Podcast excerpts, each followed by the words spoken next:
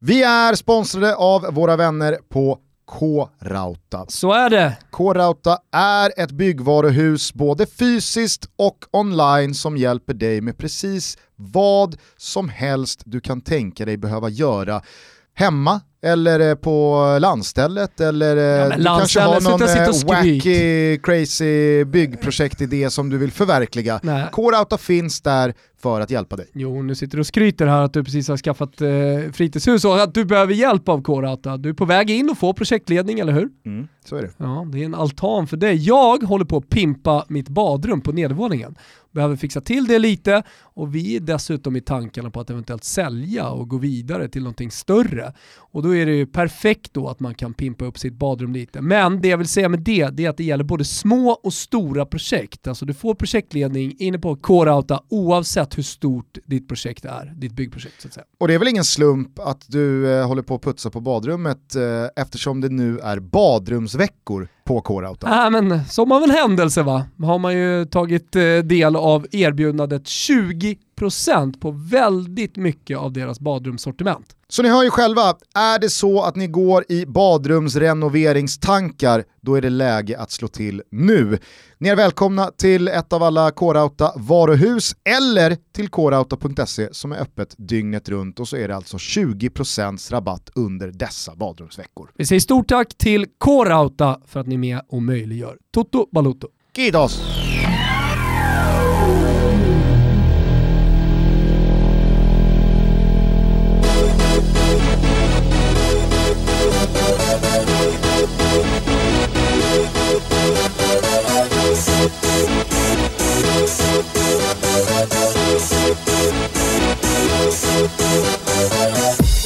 For this?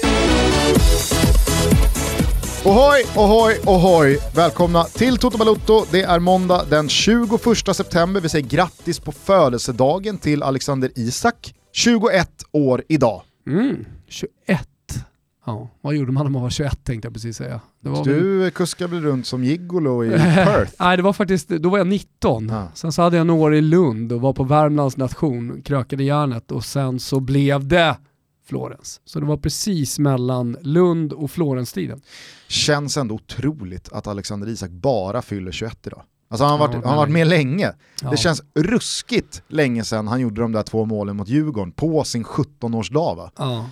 Jag tycker att det är många av de här 99orna, Mbappé, inte han 99 också eller är han född 2000? 99 va? Han är 99 också, eh, som, som känns som de har varit med länge. Men det vill ju till då att man har varit med i den högsta fotbollen och i Sverige så får man ju ändå säga att allsvenskan är högst. Så att Alexander Isak har varit med. Vad tycker du om han igår? Eh, ja du, alltså jag, jag tycker att det är en lite oroande formtrend vi har sett här under sommaren, post coronauppehållet. Och sen så tycker jag att eh, insatsen i, i landskampen mot Portugal var lite, alltså den var inte dålig, herregud, man möter eh, regerande Europa och Nations League-mästarna och Ronaldo hade en dag där det var fullt fokus på nå 100 mål och Gustav Svensson eh, brunkar bort sig efter eh, 44 minuter. Så det var ju en svår match för Alexander Isak och många andra svenskar att skina i. Men det är någonting med eh, uppsynen, alltså, jag, jag sa i studion igår att jag, jag tycker inte att han, han glittrar lika mycket som han gjorde innan coronan. Han flyter inte fram, han, han hugger inte på samma sätt och känns lika alert på samma sätt som han gjorde tidigare.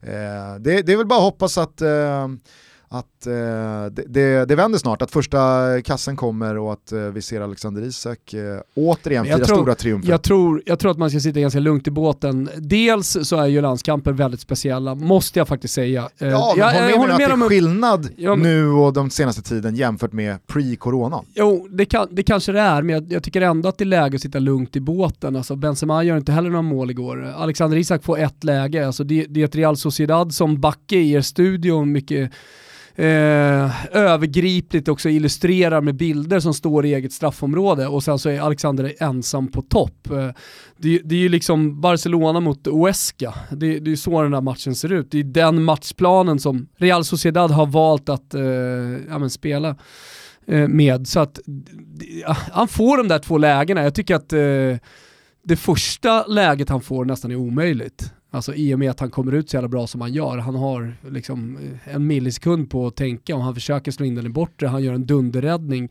Och sen eh, det andra läget försöker han skruva in i bortre, snudda stolpen. Alltså det, det, det, det, det är inga dåliga avslut. Det är en sak om han liksom missar bollen eller liksom inte, inte kommer till avslutet för han gör en dålig touch eller, eller sådär. Men här gör han ju allt rätt tycker jag. Alltså mm. Han siktar bort det, sen så är det marginaler som gör att inte bollen sitter. Och dessutom då eh, en bra målvaktsingripande i första läget. Så jag tycker att det är läge att sitta lugnt i Isak-båten. Det är snarare att det ska vara positivt eh, att han får så mycket förtroende som han får nu. Ja, visserligen utbytt i 60 men det är så man gör med, med, ett lag som möter Real Madrid för att få någon annan typ av energi in i anfallet. Vill du, ha en, eh, vill du ha en travreferens till det här? Ja. Alltså mitt eh, travintresse har ju eskalerat under 2020 något oerhört. Innan det... så var det Elitloppet en gång per år, dyngfylla och sen så var ju trav, travet var lite slut liksom. Och sen nu, nu har du dunkat in någon vinst här och där när du har suttit själv också på kammaren och knåpat ihop dina, dina kusar. Absolut, nej men framförallt så var ju travet en enda som var igång eh, under drygt tre månader mm. där, när all annan sport låg nere. Och då blev det ju så att eh, ja, men, man jackade upp i, i sitt travintresse och nu så är det betydligt många fler 100% eh, i, i, i pepp och intresse kring travet än vad det var innan. Jo men vad är det jo, för referens då? Det jag skulle komma till var att jag har lärt mig i år att det är betydligt mer regel än undantag och det är så det fungerar.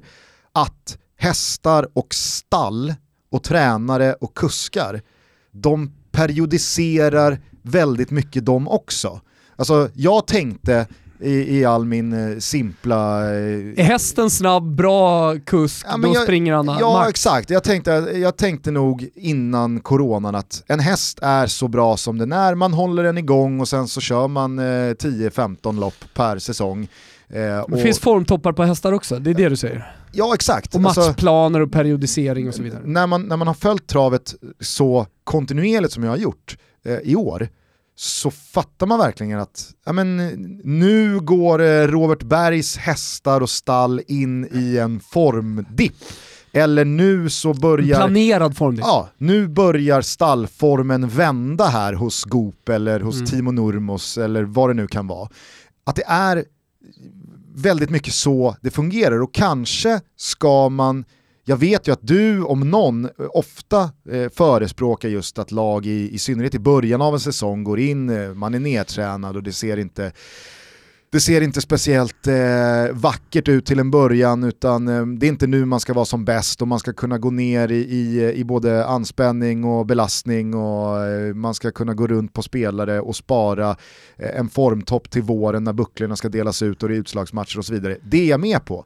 Men kanske är det också så man, man ska titta på lite mer individuella spelare också. Ja men det tror jag säkerligen. Eh, Alexander Isak på... stall, har en liten formdipp nu. Stall, Alexander Isak har en liten formdipp, kanske är den då också planerad eh, och sen så lättar de upp träningen lite och så kommer matchformen om en månad eller Han går så. ett par bra jobb här nu under hösten, Precis. sen rycker man skorna och lättar balansen framåt våren. Den där grejen tycker jag blev väldigt tydlig efter coronan under sommarmånaderna vilka som faktiskt hade brytt sig om att komma formtoppade, var, vilka lag det var viktigt för att, att vinna matcher, som till exempel Manchester United. Och att man kanske inte, när man gjorde analysen inför säsongstarten, inte skulle väga det allt för tungt just för att de andra lagen kanske, konkurrenterna hade, hade skitit lite i det.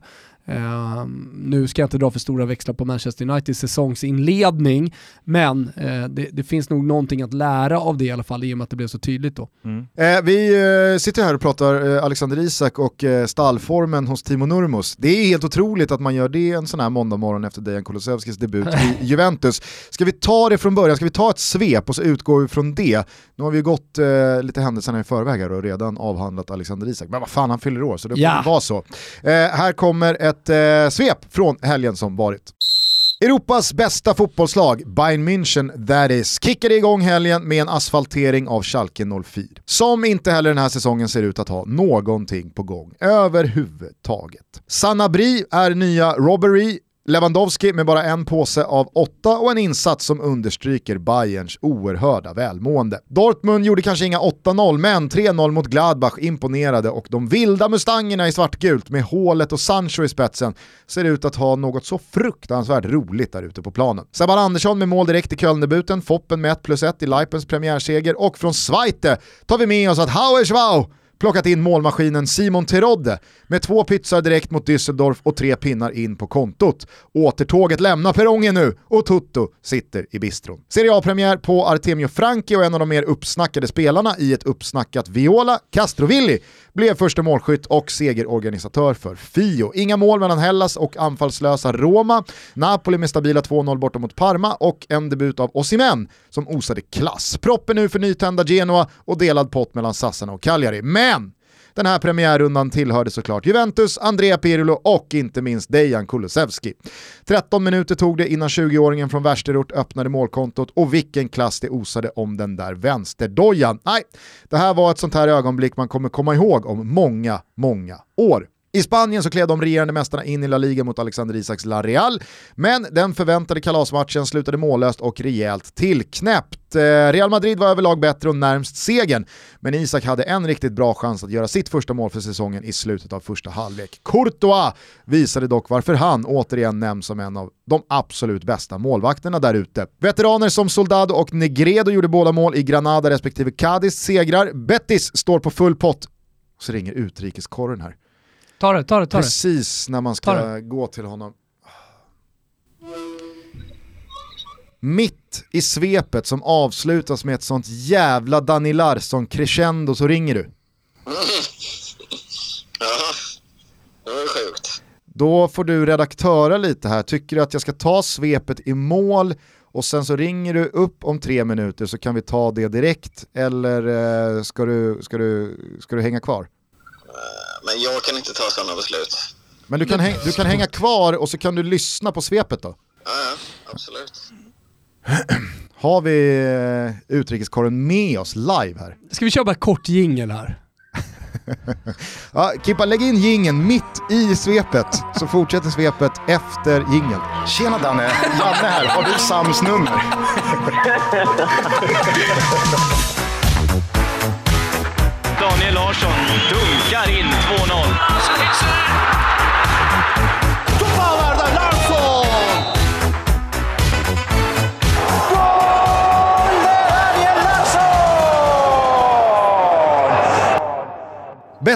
Betis står på full pott efter två omgångar och John Guidetti fick hoppa in i Alaves andra raka förlust. I Premier League så stod Manchester United för sin eh, kanske sämsta säsongspremiär någonsin när man förlorade fullt rättvist hemma på Old Trafford mot Roy Hodgsons välorganiserade palats.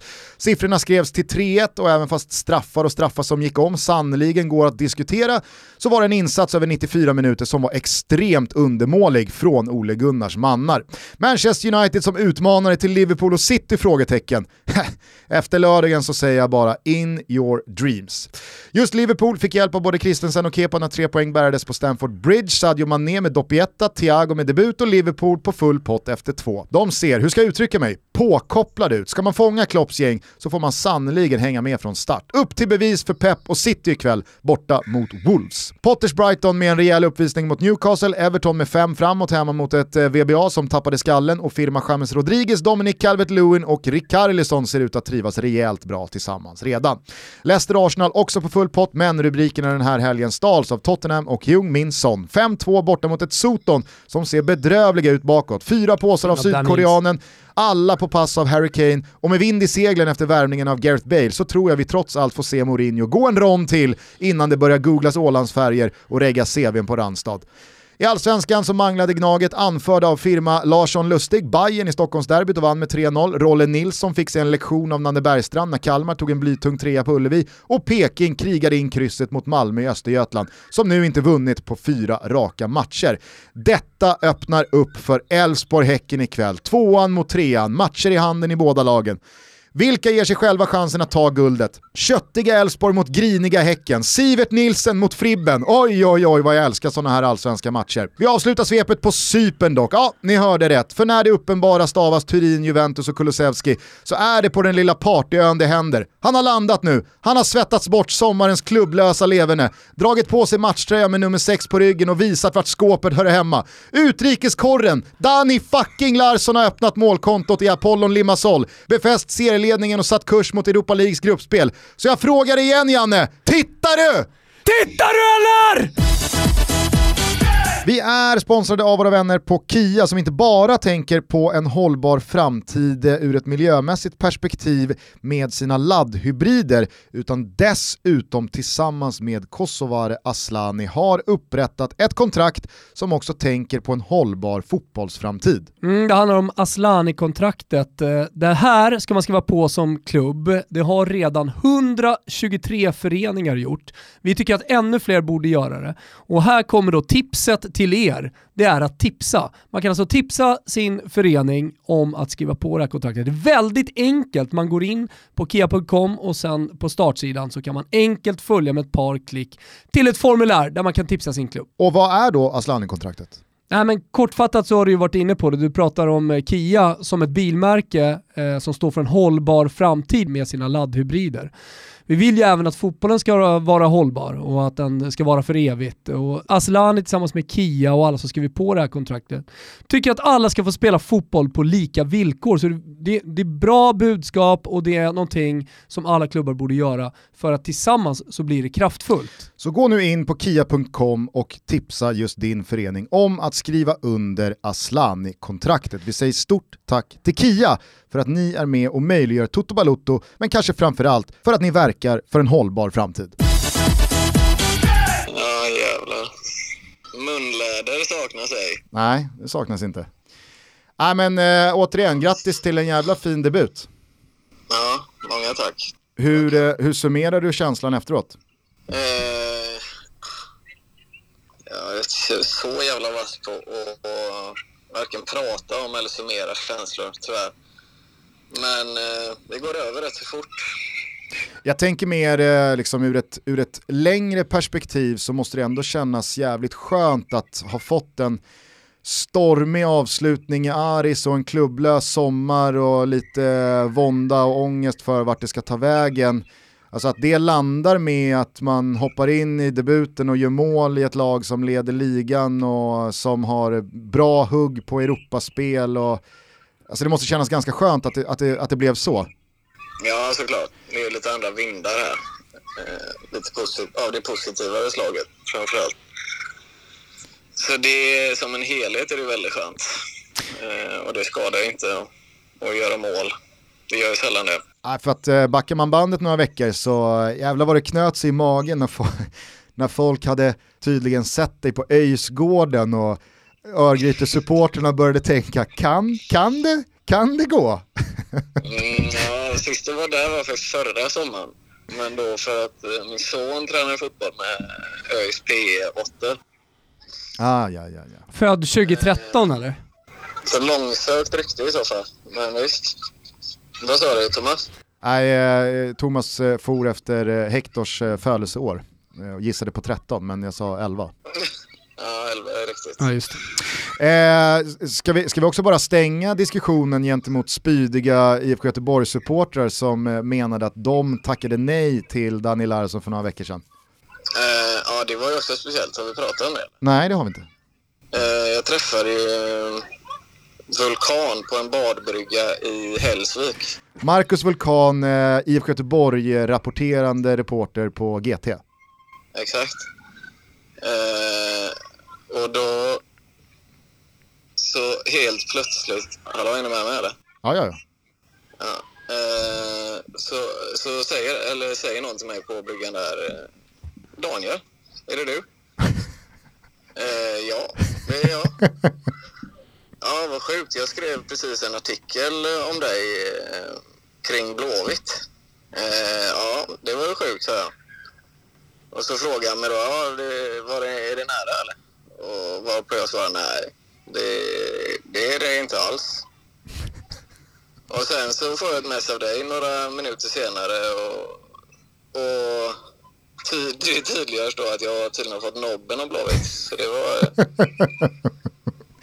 det var speciella minuter som utspelades där på, på en badbrygga i Hälsvik. Ja.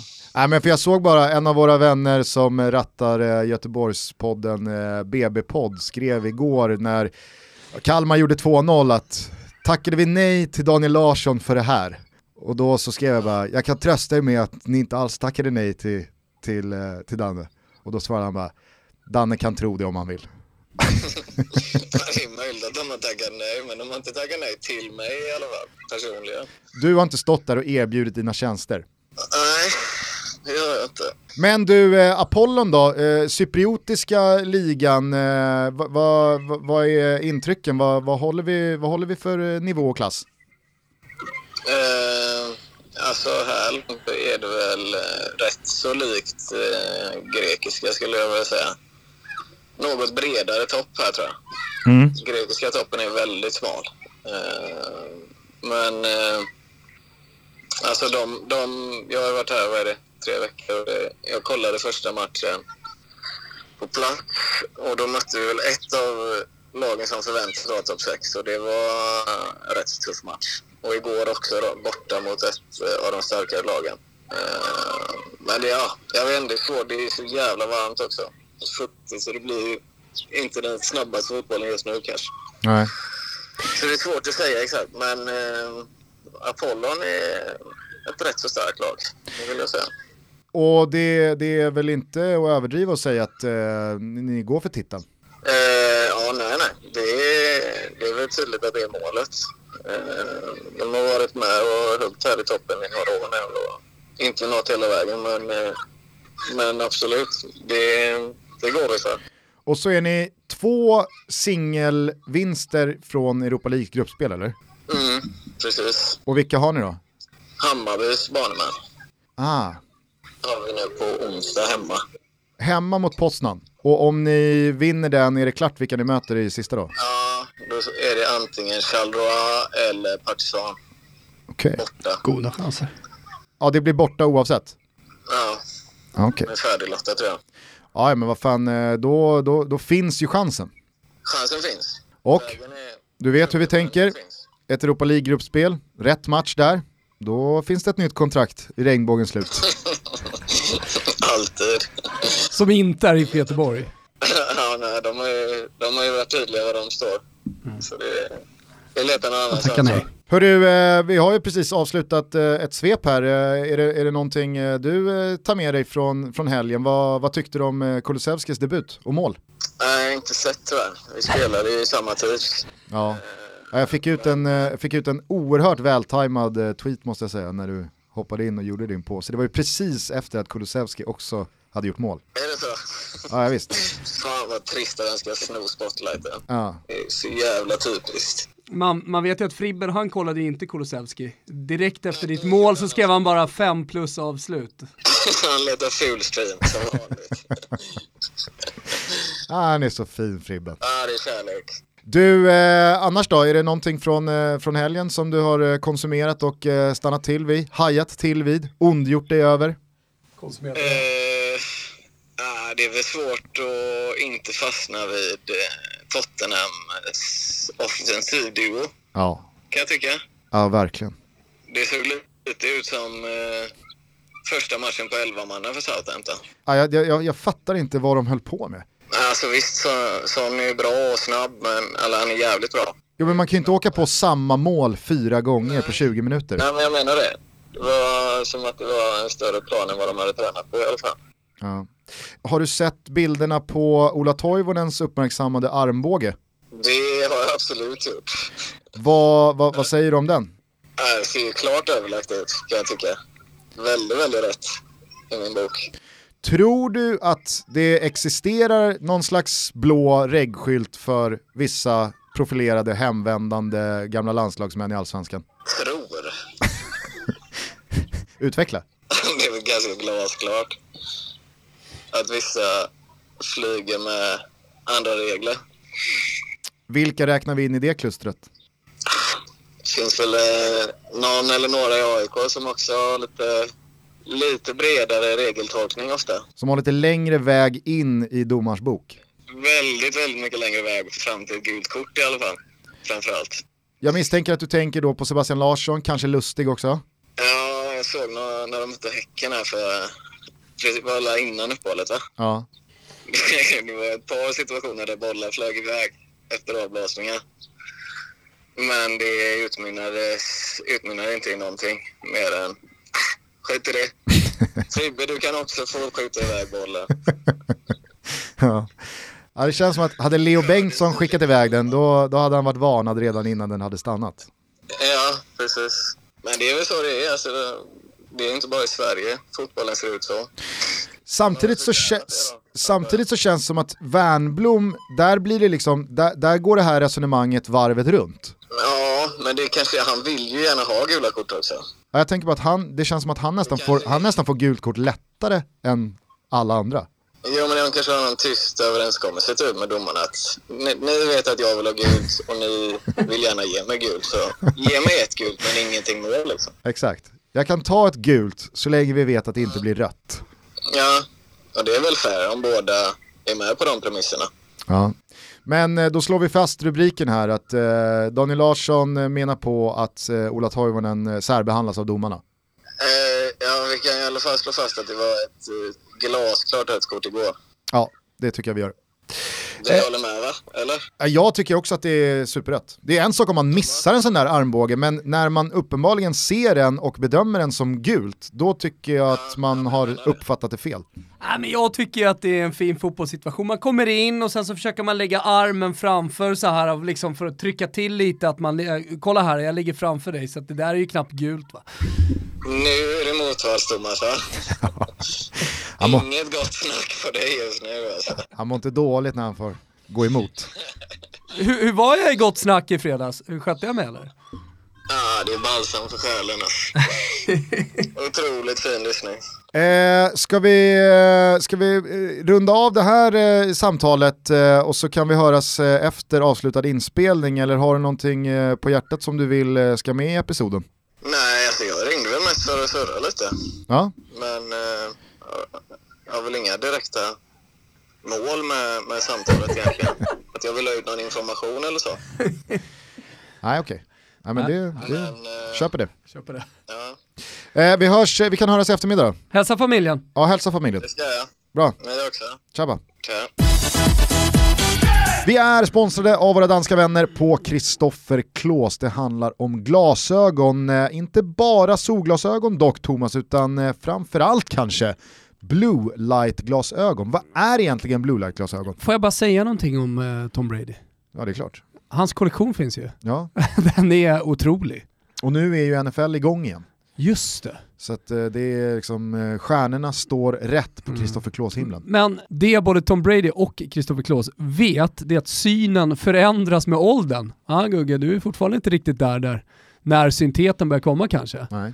Men däremot kan du skaffa ett par blue light glasögon som är spegelglas så att säga. Eh, så att du inte får så ont i huvudet, lättare att sova, du som hela tiden ska läsa på kring fotbollen, eller hur? Mm. Mycket skärmtid. Ja, men nu är nyheten hur som helst att man även kan köpa blue light-bågar med styrka. Så linserna är gjorda i högsta kvalitet till ett bra pris och man fyller bara i sin styrka manuellt när man går in och hittat en modell som man gillar. Eller så laddar man helt enkelt upp sitt recept då, som man har fått från sin eh, optiker. Supersnygga solglasögon, supersnygga och väldigt bra för ögonen blue light-glasögon också. Nu med styrka. Kristofferklås.se är adressen, Kristoffer med CH och PH Klås med C-L-O-O-S. Det är bara att gå in och kolla. Det är det sannoliken. Vi säger mange tack till Kristoffer Klås för att ni är med och möjliggör Toto Balotto. Mange tack. Han var ju trevligt, eh, utrikeskorrespondenten ringer in rubriker. Mm. Slå fast en del saker. Slå fast saker och, och sådär. Nu har man nästan glömt bort svepet. Ja, eh, ska vi börja eh, i kronologisk ordning kanske? Kanske det. Hände ju ändå grejer i Tyskland. Ja, det gjorde det. Vi sitter i bistron på återtåget för HSV. Ja. Vi ger inte upp. Vi är med i Rotenhausen hela vägen in. Kommer ju såklart sluta med att de sjabblar bort eh, både en direktplats och sen kvalplats och så slutar de fyra i vår igen. Ja, alltså, Men man kan ändå hoppas att eh, värvningen av eh, Simon Terodde, alltså en oerhört utpräglad och bevisad målskytt i Zweite, ändå kan leda till eh, större framgångar den här säsongen. Ja, tidigare. det var ju väldigt uppmärksammat här för någon vecka sedan också. Alltså, HSV har ju varit på tapeten av flera olika anledningar. Du pratar om det rent sportsliga, men vi hade en incident när en av spelarna såg ju ut som en full kit wanker som liksom bara var supporter på läktaren som hade klätt sig i, i eh, råtåsen och Ja. vit tröja. Men, men det var tydligen en av spelarna då. Mm, Leistner va? Ja, Leisner var det. Ja, Som eh, hoppade upp på läktaren i matchen mot Dynamo Dresden och Ja. skulle göra upp med eh, supportrar som hade smädat hans eh, nära. Han, han är ju gammal Dynamo Dresden-spelare, så att, så att det, det fanns ju känslor liksom i honom redan innan den här matchen, vilket eh, fick honom kanske att agera som han gjorde. Han hade nog inte gjort det på någon annan läktare än just den. Nej. Eh, 8-0 Bayern mot Schalke. Ja. Det började ju liksom viskas, i alla fall på sociala medier, att eh, Wagner skulle få gå direkt. Hade inte det haft något? Nej, men jag, jag tycker ju liksom att den typen av eh, sparkar eh, har, alltså, har en plats i fotbollen. ja, men så här, torska 8-0 i, i premiär, spelar ingen roll hur bra Bayern München är. Då, då, då, då har man ju uppenbarligen gjort något fel. Hade det hänt Palermo under Samparini så hade det väl snarare varit favorit på att han Dunderspark. bara skulle avsluta glassen och sen gå, ner och, Exakt. Sen gå ner och be någon packa. Mm. Eh, äh, men kul också, eh, För övrigt sökt eh, källa på eh, det där med glassen väldigt länge utan att ha hittat något. Så jag börjar tro att det är någonting som Marcus Birro har fabricerat ihop själv då. har vi börjat kolla bra stories? Eh, nej. Nej, sluta med det. Nej, men just att det kom från Marcus. Nej, men jag skulle det. säga det också, kul eh, svensk helg i, i Tyskland med Emil Forsberg som eh, direkt visar eh, klassen. Mm. Nagelsmann eh, var ju inte direkt blyg med lovorden efter eh, första matchen. Men inte bara, inte bara det, eh, med tanke på att han hade ganska skadedrabbat år där det varit flyttrykten under en längre tid, att han, att han får gå in och ta straffen direkt också eh, och att han blir så central redan från första matchen. Det tycker jag någonstans eh, borgar för att det här blir en ganska rolig Emil Forsberg-säsong. Jag saknat det lite också sen den där eh, 21 ass-säsongen. Eh, att, att, ja, han har varit bra, absolut, men, men att han är nyckelspelare och att han är det från eh, minut ett också. Ja, och ett Leipzig då post Timo Werner utan att ha hämtat in någon ersättare för Det finns ju lika alltid stora någon pengar. i Salzburg, eh, Gusten. Förmodligen. Som kommer flyga och sen landa är det i typ bara- Liverpool. Det är bara att vänta på frälsan från, från är Salzburg. det. Eh, Sebastian Andersson också mål direkt eh, i, i eh, nya... Vad fan är det som Köln-tröjan. händer ute i Europa? Ja men så Viktor Claesson med Dubbla. dubbla och assist. Eh, första målen eh, på ja, nästan 13, 14, 15 månader. Ja. Han har inte spelat sedan juni. Postskada, post-corona ska ju Juni 19. läggas till. Nej, så att i offensiv riktning så var det en otrolig, otrolig jävla eh, svensk helg. Men det är ju såklart Kulusevski som eh, står i centrum här. Berätta, eh, håller du med mig när jag sa i svepet att det här är en sån här match och ett mål och ett ögonblick man kommer komma ihåg i, i många, många år? Av flera anledningar. Dels att han startar i den första matchen för Juventus, han har precis blivit klar. Att han gör det bredvid Cristiano Ronaldo, eh, tillsammans med Messi, världens bästa fotbollsspelare de senaste decenniet. Eh, att han gör det på det sättet han gör också med ett klassmål. För många vill tycka att klassmål ska sitta i krysset eller ribba in. Eller, Eller kanske av föregås spelare. precis av, av eh, dribblingar. Det är också klassmål. Men det här, det här att, han, att han lyckas vrida runt den, Albin Ekdal och ha den sinnesnärvaron när han gör det också eh, och få den skruven han får på bollen. Det, bo, jag, skrev, i- jag skrev mitt eh, jag skrev i min krönika att Zlatan, hans stora idol då, vid något tillfälle sa att han är lite som Matrix på planen. Allting går väldigt långsamt men för alla andra går det snabbt. Jag tyckte att det var ett, ett, sånt, ett sånt moment för Kulusevski igår. Att han visste och han, han såg den här bollen gå in i bortre stolpen redan liksom innan passningen nästan slogs av hans medspelare. Det fanns en telepati där och det fanns en, som, framförallt en sinnesnärvaro som jag sa, eh, som jag tycker var otrolig. Så jag eh, tycker, tycker att det här målet, målet i sig är så jävla mycket större eh, än vad det kanske har blivit eh, än så länge. Många ser en bredsida som sitter i bortre, men, men eh, det där, han, han har koll på sin omgivning, han har koll på målvakten, han har koll på var Albin är någonstans. Och eh, han får en perfekt eh, träff också. Det är ingen slump, eh, utan det är så här Dejan Kulusevski har sett ut den sista tredjedelen i Parma under ett helt år. Sen var det ju speciella omständigheter och förutsättningar. Alltså alla är ju medvetna om vad den här eh, coronasäsongen eh, i somras har, har gjort med säsongsstarten av 2021. Fönstret är fortfarande öppet. Det är eh, väldigt många pusselbitar kvar i många lagbyggen. Så det var ju väldigt mycket känslan av ett provisoriskt eh, och temporärt eh, Juventus igår under Andrea Pirlos eh, debut. Ingen Dybala, man väntar på en nia, McKennie och Frabotta i, i, startelvan. Alltså, givet det så, så måste man ju ändå känna att det, det är nästan ännu skönare för Kulusevski att få en sån här start. Att när det fortfarande finns en hel del frågetecken och när det finns en hel del pusselbitar som ska läggas, att han direkt är där och markerar. Räkna med mig. Ja men dels, eh, dels markerar, men vi brukar prata om hur viktiga mål är. Alltså för centrala mittfältare senast eh, med lite offensiv läggning, typ Svanberg, att, att eh, poängen kommer. Emil Forsberg är en annan spelare som behöver de där poängen om Dejan Kulusevski sätts bredvid Cristiano Ronaldo på topp som ersättare till Paolo Dybala, ja men då vill man gärna se honom leverera också. Men jag tycker det finns någon slags trygghet i, i Dejan Kulusevski. Dels är han, har han väldigt hög lägstanivå, vilket är ovanligt eh, på spelare som, som eh, eh, finns på hans position och dessutom är unga. Eh, så, så, att man kände väldigt mycket igen honom från Parma. Eh, sen kanske inte är total briljans i 90 minuter, men det behöver inte vara det heller. Utan det alla tar med sig, och även Pirlo, Paratici och Nedved och Andrea Agnelli i spetsen, det, det är ju det där målet. Alltså, sätter du bollarna på det där sättet då kommer du spela. Sen kanske det är möjligt att han ska spela ute till höger och inte på Dybalas position. Eh, för att där är fortfarande argentinaren en klass upp. Men, men eh, när han ska välja mellan Quadrado och eh, Kulusevski och Bernardeschi eller vem, Alexandro som också kan spela där ute, ja men då, då är Kulusevski etta.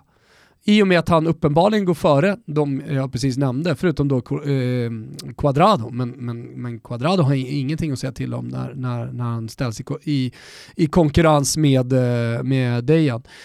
Vilket även Romea Agresti, eh, journalisten som ni tog in i er sändning igår också, var väldigt tydlig med. att Dejan är, han är redan en campione. Han, han är en klar fotbollsspelare. Det här är, det här är ingen som ska vänga top player. Uh, det, det, här är ingen spelare som ska, eller han ska definitivt växa och bli ännu bättre. Men han är redan tillräckligt bra för att starta i Juventus. Och uh, ja, det, det, det kommer ju Champions League-matcher i vad det lider. Mm. Vet vi när Champions League drar igång? Eh, oktober, eh, ja. mitten av oktober någon gång. Ja, du vet, någon månad, några veckor bort bara. Eh, så, och det ska spelas Coppa Italia-matcher, det är en väldigt tight säsong i och med att det är corona. Eller har varit, vad det nu är. Eh, så så det, det, det, det, det, det han kommer spela varje vecka. Mm. Och vi kommer få se jävligt mycket mål och jag vet inte om de tänkte på det när han sökte Cristiano också. Nu satt de inte på pannan varje gång, men det kommer ju sitta en hel del bollar på, på Cristianos panna också, på hans fötter. Mm. Så ja, det är en garanti med Dejan Kulusevski. Det är härligt också, han får kvittera ut 7,5, en av Juventus bästa spelare i Gazzetta dello Sport igår. Ramsey vart uh, il migliore. Ja, nej, jag tycker jag, också han gör en jättebra match. Jag, jag, jag satt faktiskt och diskuterade just Aaron Ramsey med Backe igår.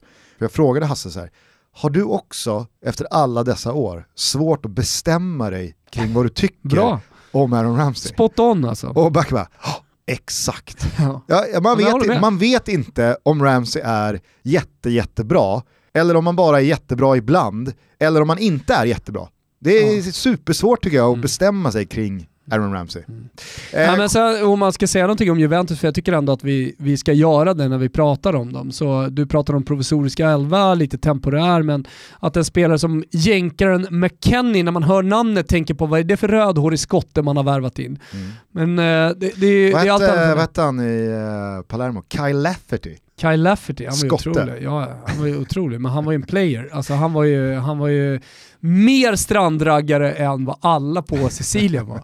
Eh, vilket också var väldigt roligt. Eh, men eh, det här är alltså en ung jänkare som har kommit in, eh, får speltid direkt och är ju den här typen av spelare som man älskar som supporter. Dels väldigt alert, alltså blicken är alert, Hans sätt att agera på planen när han får bollen är alert, bra första touch och allt det där. Men också en stenhårt arbetande spelare som Mm. inte viker en jävla tum. Alltså väldigt mycket jänkare skulle jag vilja säga. Och det fick mig att tänka på då eh, den nya unga generationen av jänkare som nu kommer upp. Att, eh, nej, nu var inte du med då, men VM 94 så pratade man inte bara om att Limpar skulle in. Det fanns inte bara diskussion kring det. Någonting som man pratade väldigt flitigt om i studios och i, i medier eh, generellt sett och så här bland supportrar var det nya amerikanska fotbollsundret då som skulle komma typ 20 år senare som man sa. Att så här, ja men snar, eller om, i, i en inte allt för lång framtid så kommer USA att vara världens bästa fotbollsland med tanke på då resurser, upptagningsområden och så vidare. Det har ju liksom inte riktigt slagit, men är det nu som jänkarna kommer? Jag vet inte, jag vet inte, såg du Parma-Napoli igår? Eh, Ja. Då var ju eh, Parmas nya ägare där, Kyle J. Kraus. Mm. Så satt han där med sin fru antar jag, och så hade de då gjort ett eget litet plakat som de hade tejpat Det är fast så man gör i på, Italien. på räcket framför sina hedersplatser. Som är liksom svajig tuschpenna på något stort A3-papper. Är det A3 som är större än A4? Ja, det är Ja, det kanske till och med var A2 då. Mm. På ett A2-papper så hade de eh, skrivit då eh, “Hello Iowa, greetings from typ mom and dad” och man känner bara så här: nej. Nej, men- det är inte något De är amerikanskt dåliga, fotbolls- de är dåliga, rådgiv, de- de är dåliga rådgivare, Kraus-familjen. För att det är Det, inte bara såg det. så jävla kackigt ut. En bra, Dassigt rådgivare, en bra rådgivare hade ju sagt, eh, liksom, gör inte det där, gör någonting annat. Precis samma som när han försöker vara då äkta, när han på, på sin Mac-dator skrapar bort Juventus-märket. Självklart är han Juventus-supporter för det är de som vinner mest. Är man jänkare då och gillar lite fotboll, ja men då håller man på Juventus. Klistrat på det på sin eh, burk och kanske då tänkt också att eh, Nej, men så här, att han är på väg in i en klubb och ja, men Juventus är ju coola, då, då han, liksom, men då skrapar han bort det och sen så sätter han symboliskt på Parma-märket istället och tror att alla ska jubla. Ja, han tror Det att det här... tvärtom. Fan vad är det där? Ja, men och sen så tejpar han upp hälsningen då till, till familjen Till och Iowa, släkten, till släkten hemma i Iowa. Och då man känner bara, ah, fy fan vilken jävla mismatch. Han borde här blir portas alltså. från eh. Tardini.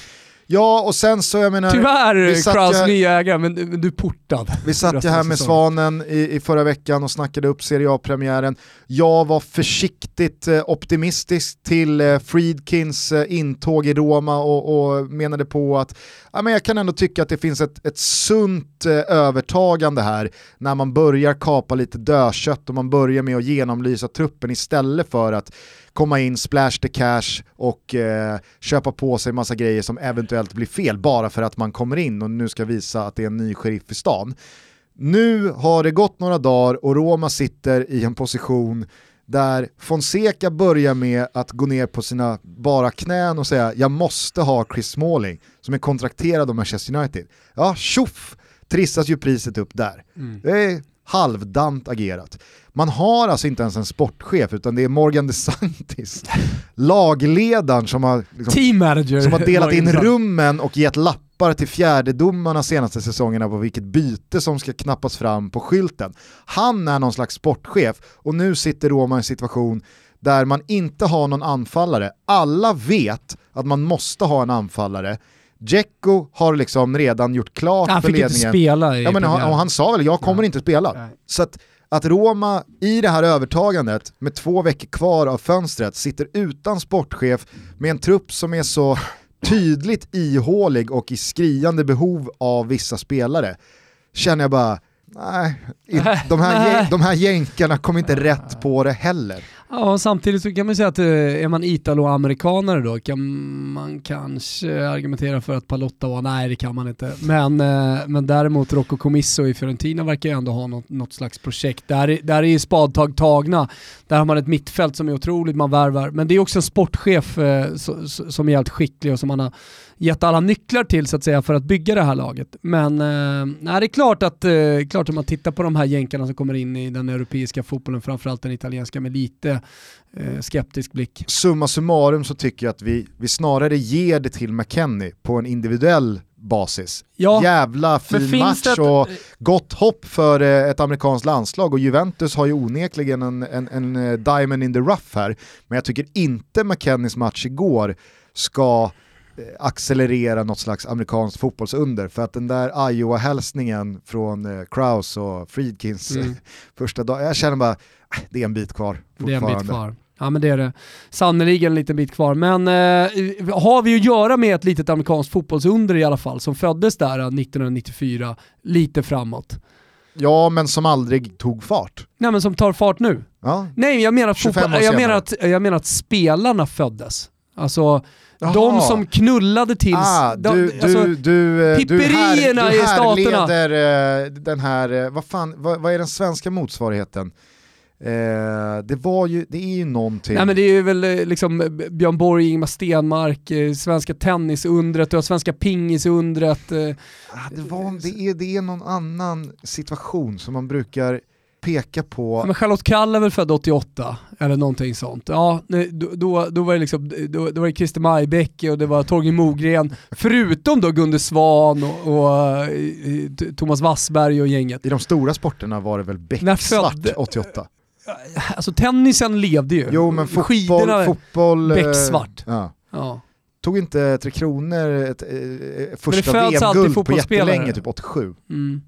Jo, exakt. Men det, det Kanske det föds då. alltid fotbollsspelare på något sätt sådär. Men, men, Men eh, fan jag far efter någon händelse som brukar eh, pekas på som att då, då var det en jävla explosion, en babyboom i Sverige. Nej, men jag, jag är, menar, man brukar prata om 68 eh, men, men var kommer de ifrån då? Det, det, du menar att, att, det var en babyboom, att eh, det är väl alltid... 68, 68 kan väl vara krigsslutet?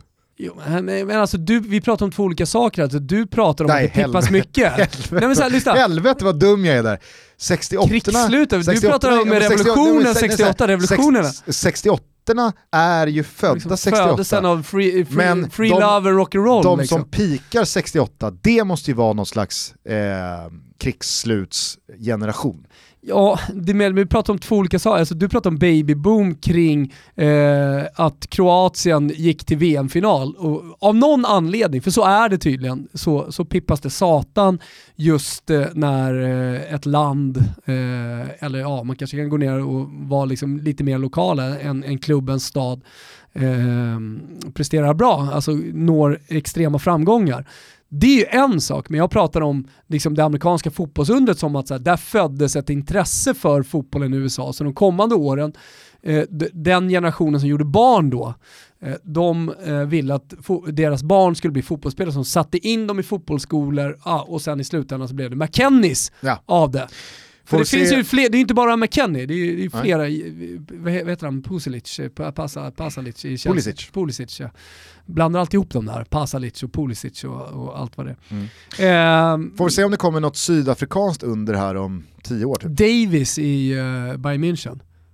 Kanadick. Jo, kanadick, men det är ändå så nordamerikanare.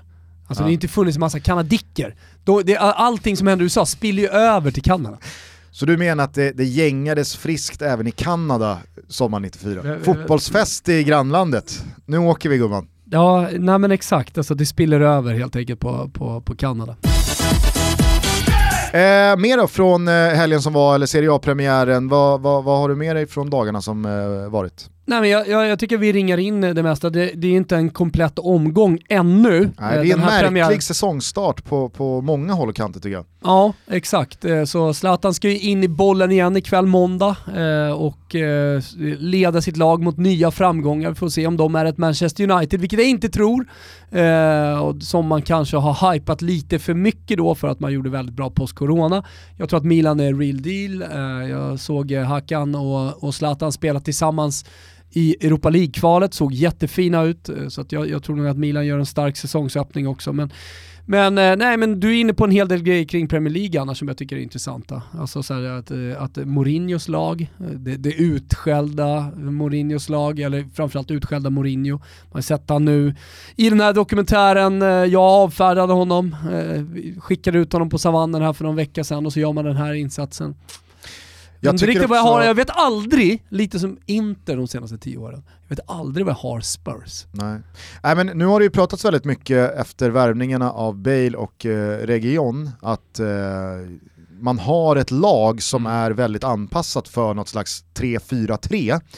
Och även fast jag tror att Mourinho som gammal hund är ganska illa benägen att lära sig att sitta eh, och således alltså gå ifrån hans adelsmärke med en fyrbackslinje och tre mittfältare centralt så tror jag nog att han kanske absolut kan landa i sådana tankar också. Och jag tror att det är precis vad Spurs hade behövt.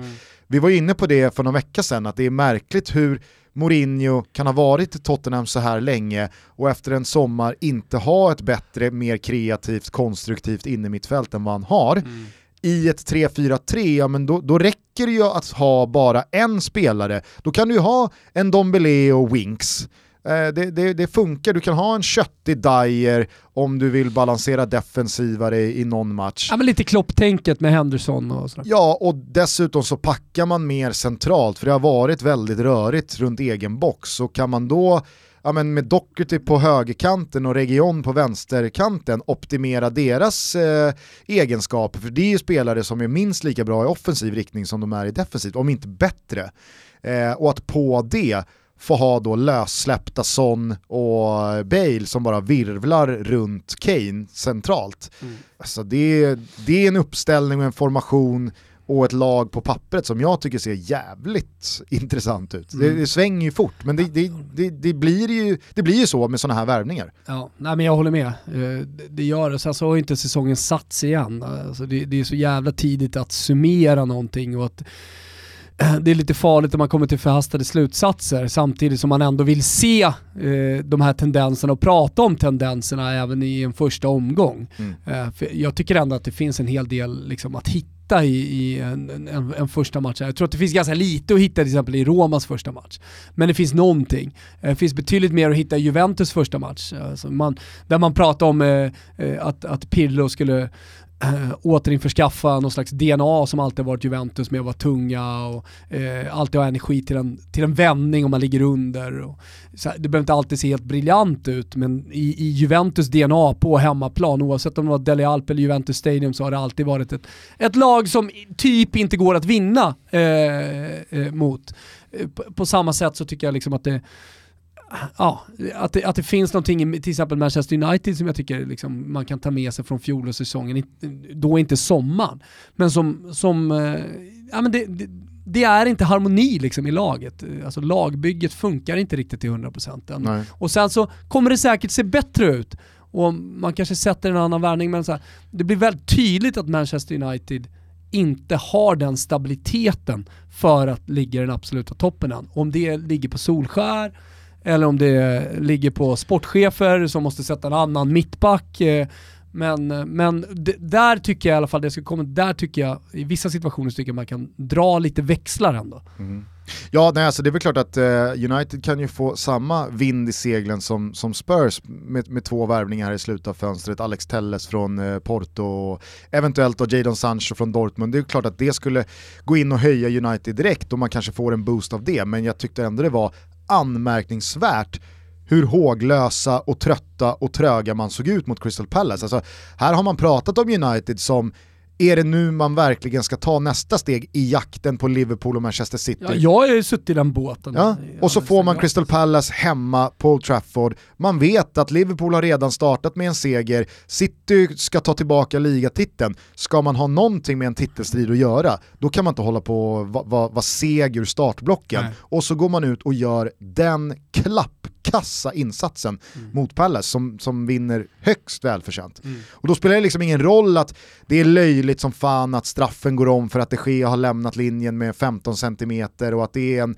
det är en märklig, eh, för vissa kanske tveksam straff man åker på med Vigges hands och sådär. Men det, det, det, det, det går ju Nej, men det- oavsett vad och inte spinna det till att United var bättre. Nej men prestationerna är ju fortfarande vad den är. Ja. Så visst, det finns alltid händelser i matcher men är du ett starkt lag. Är du Juventus då, om du pratar DNA, så vinner man ändå eh, på hemmaplan. Eh, kommer du ihåg när Andreas Alm som AIK-tränare eh, liksom gjorde upp lite med AIKs förflutna, att Gnaget skulle vara liksom 4-4-2, man skulle vinna med 1-0, man skulle framförallt hålla nollan och så vidare. Ja. När han då, jag minns inte exakt eh, årtal, men säg att det kanske var 14, 2014 eller någonting då, när Andreas Alm började prata om att alltså, gör vi fler mål än motståndaren så vinner vi matchen Mm. och då är jag nöjd. Alltså att AIK gick ifrån det här att vi ska hålla nollan, utan gör vi fyra mål, ja, men då behöver vi släppa in ganska många mål för att vi inte ska ta tre poäng. Den känslan får jag av eh, Ancelotti och Everton. Alltså det känns snarare som att Ancelotti, han, han går in i matcherna nu med det här Everton-laget och tänker, kan vi göra tre mål, då har vi nog ganska bra möjligheter att vinna matchen. För att jag kan inte, jag kan inte dra någon annan slutsats än att en så pass slipad tränare och en, en tränare som varit med så länge som Ancelotti är nöjd med att ha Pickford i mål, Jeremina och Michael Keane som mittbackar, Coleman, Ding som ordinarie ytterbackar och alternativ där bakom som är det, det, det, är inga högklassiga spelare som är med och tampas om de eh, försvarspositionerna. Men då tar man istället in två trygga, stabila innermittfältare i Allan och Ducoré.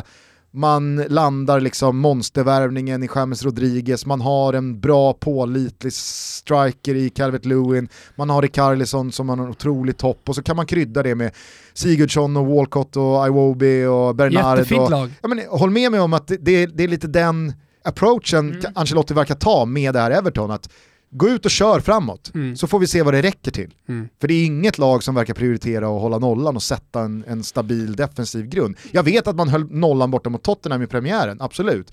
Men, det, jag tror, det, tror jag, det jag tycker är intressant med det var ingen, det var ingen superimponerande försvarsinsats, det var ju snarare ett Spurs som var helt urusla. Nej men om man ska ta de, de här två inledande matcherna så, så det intressanta är ju att eh, Carlo Ancelotti kan spela Catenaccio, han vet hur man stänger ner matcher. Och det kommer han säkerligen göra på bortaplan, men han har ju även offensiven, det var ju han som uppfann julgranen 4-3-2-1 en gång i tiden och verkligen fick den att flyga.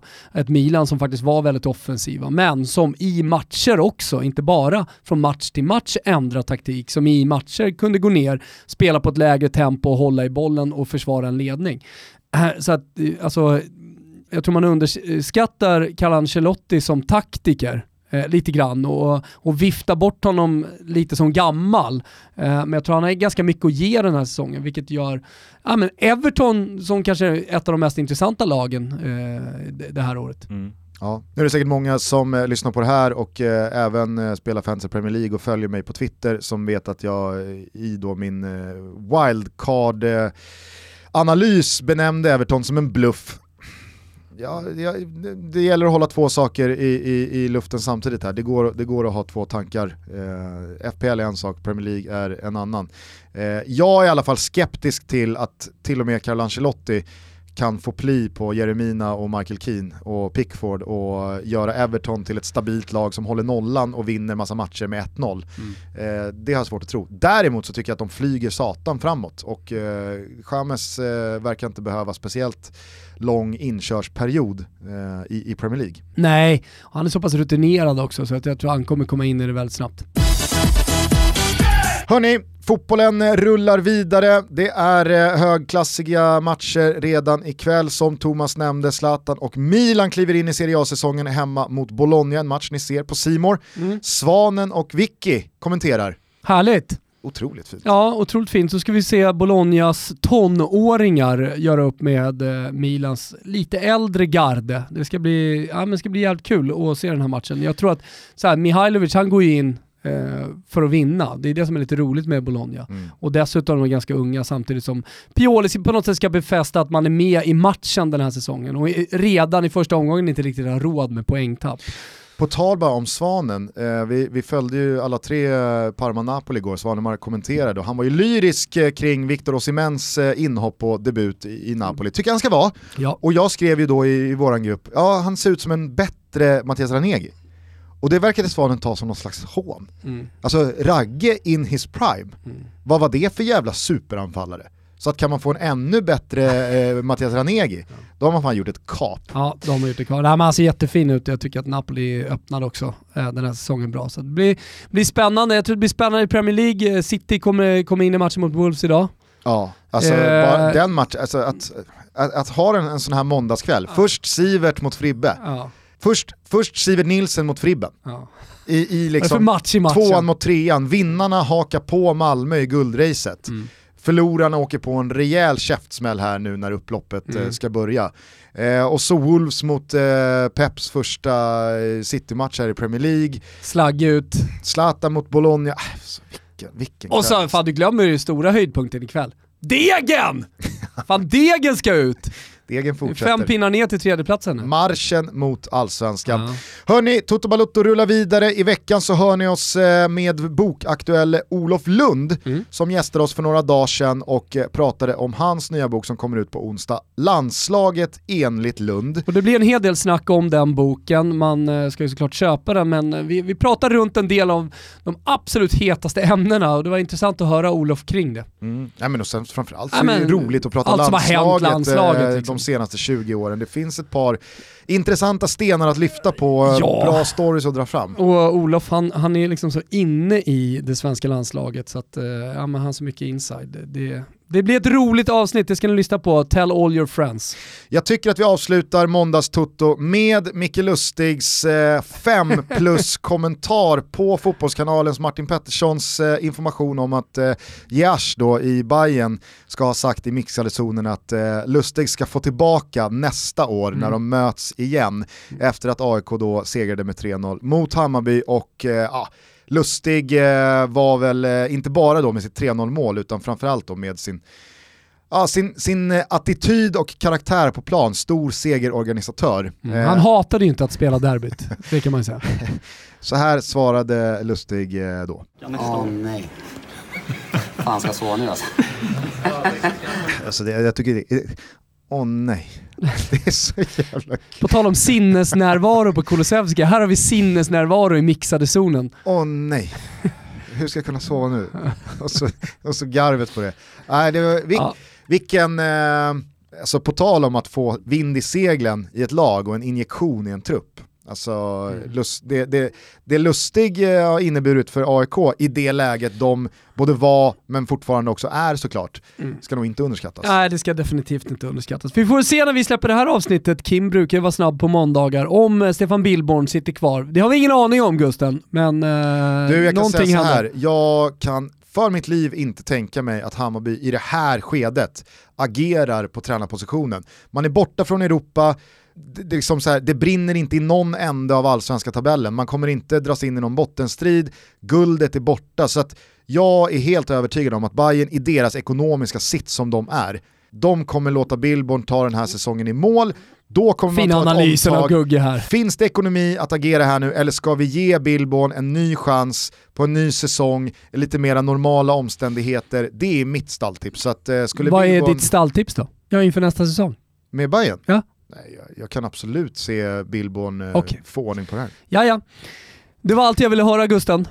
Jag vill inte Eh, höra mer, jag vill bara att du avslutar. Ja men då så. Hörni, nu är ju eh, långtiderna igång, hoppas många eh, ryggade och kan haka på oss under säsongen. Ja, vi Till kommer helgen- följa upp. Till helgen så kommer det en eh, ordinarie Toto-trippel eh, borta hos eh, Betsson så att det är bara att vara med oss i avsnittet med Olof eller följa oss via sociala medier så missar ni ingenting av dem. Nej, och missa heller inte våran lilla systerpodd som inte är så liten längre. Det är fler och fler, ska du veta Gusten, som lyssnar på Never Forget. Och nu har vi, hör här Gusten, gjort hela 37 avsnitt. Idag berättar vi om den osannolika Invinciblen. Invinciblen, Säger du Invinciblen?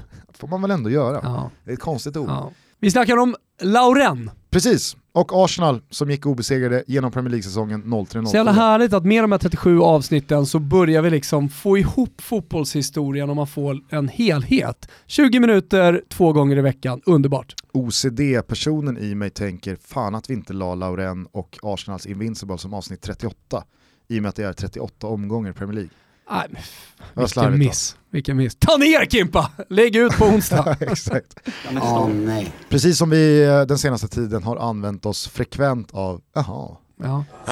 så tror jag att eh, vi, vi kommer lägga oss till med Åh nej, Åh nej. åh nej. Åh nej. Hörrni, vi älskar att ni lyssnar. Vi är tillbaka som sagt med Olof Lund i veckan. Nu flyger vi in i hösten Gusten. Yes, ha en fin vecka. Vi hörs snart igen. Ciao tutti. Ciao Tutti.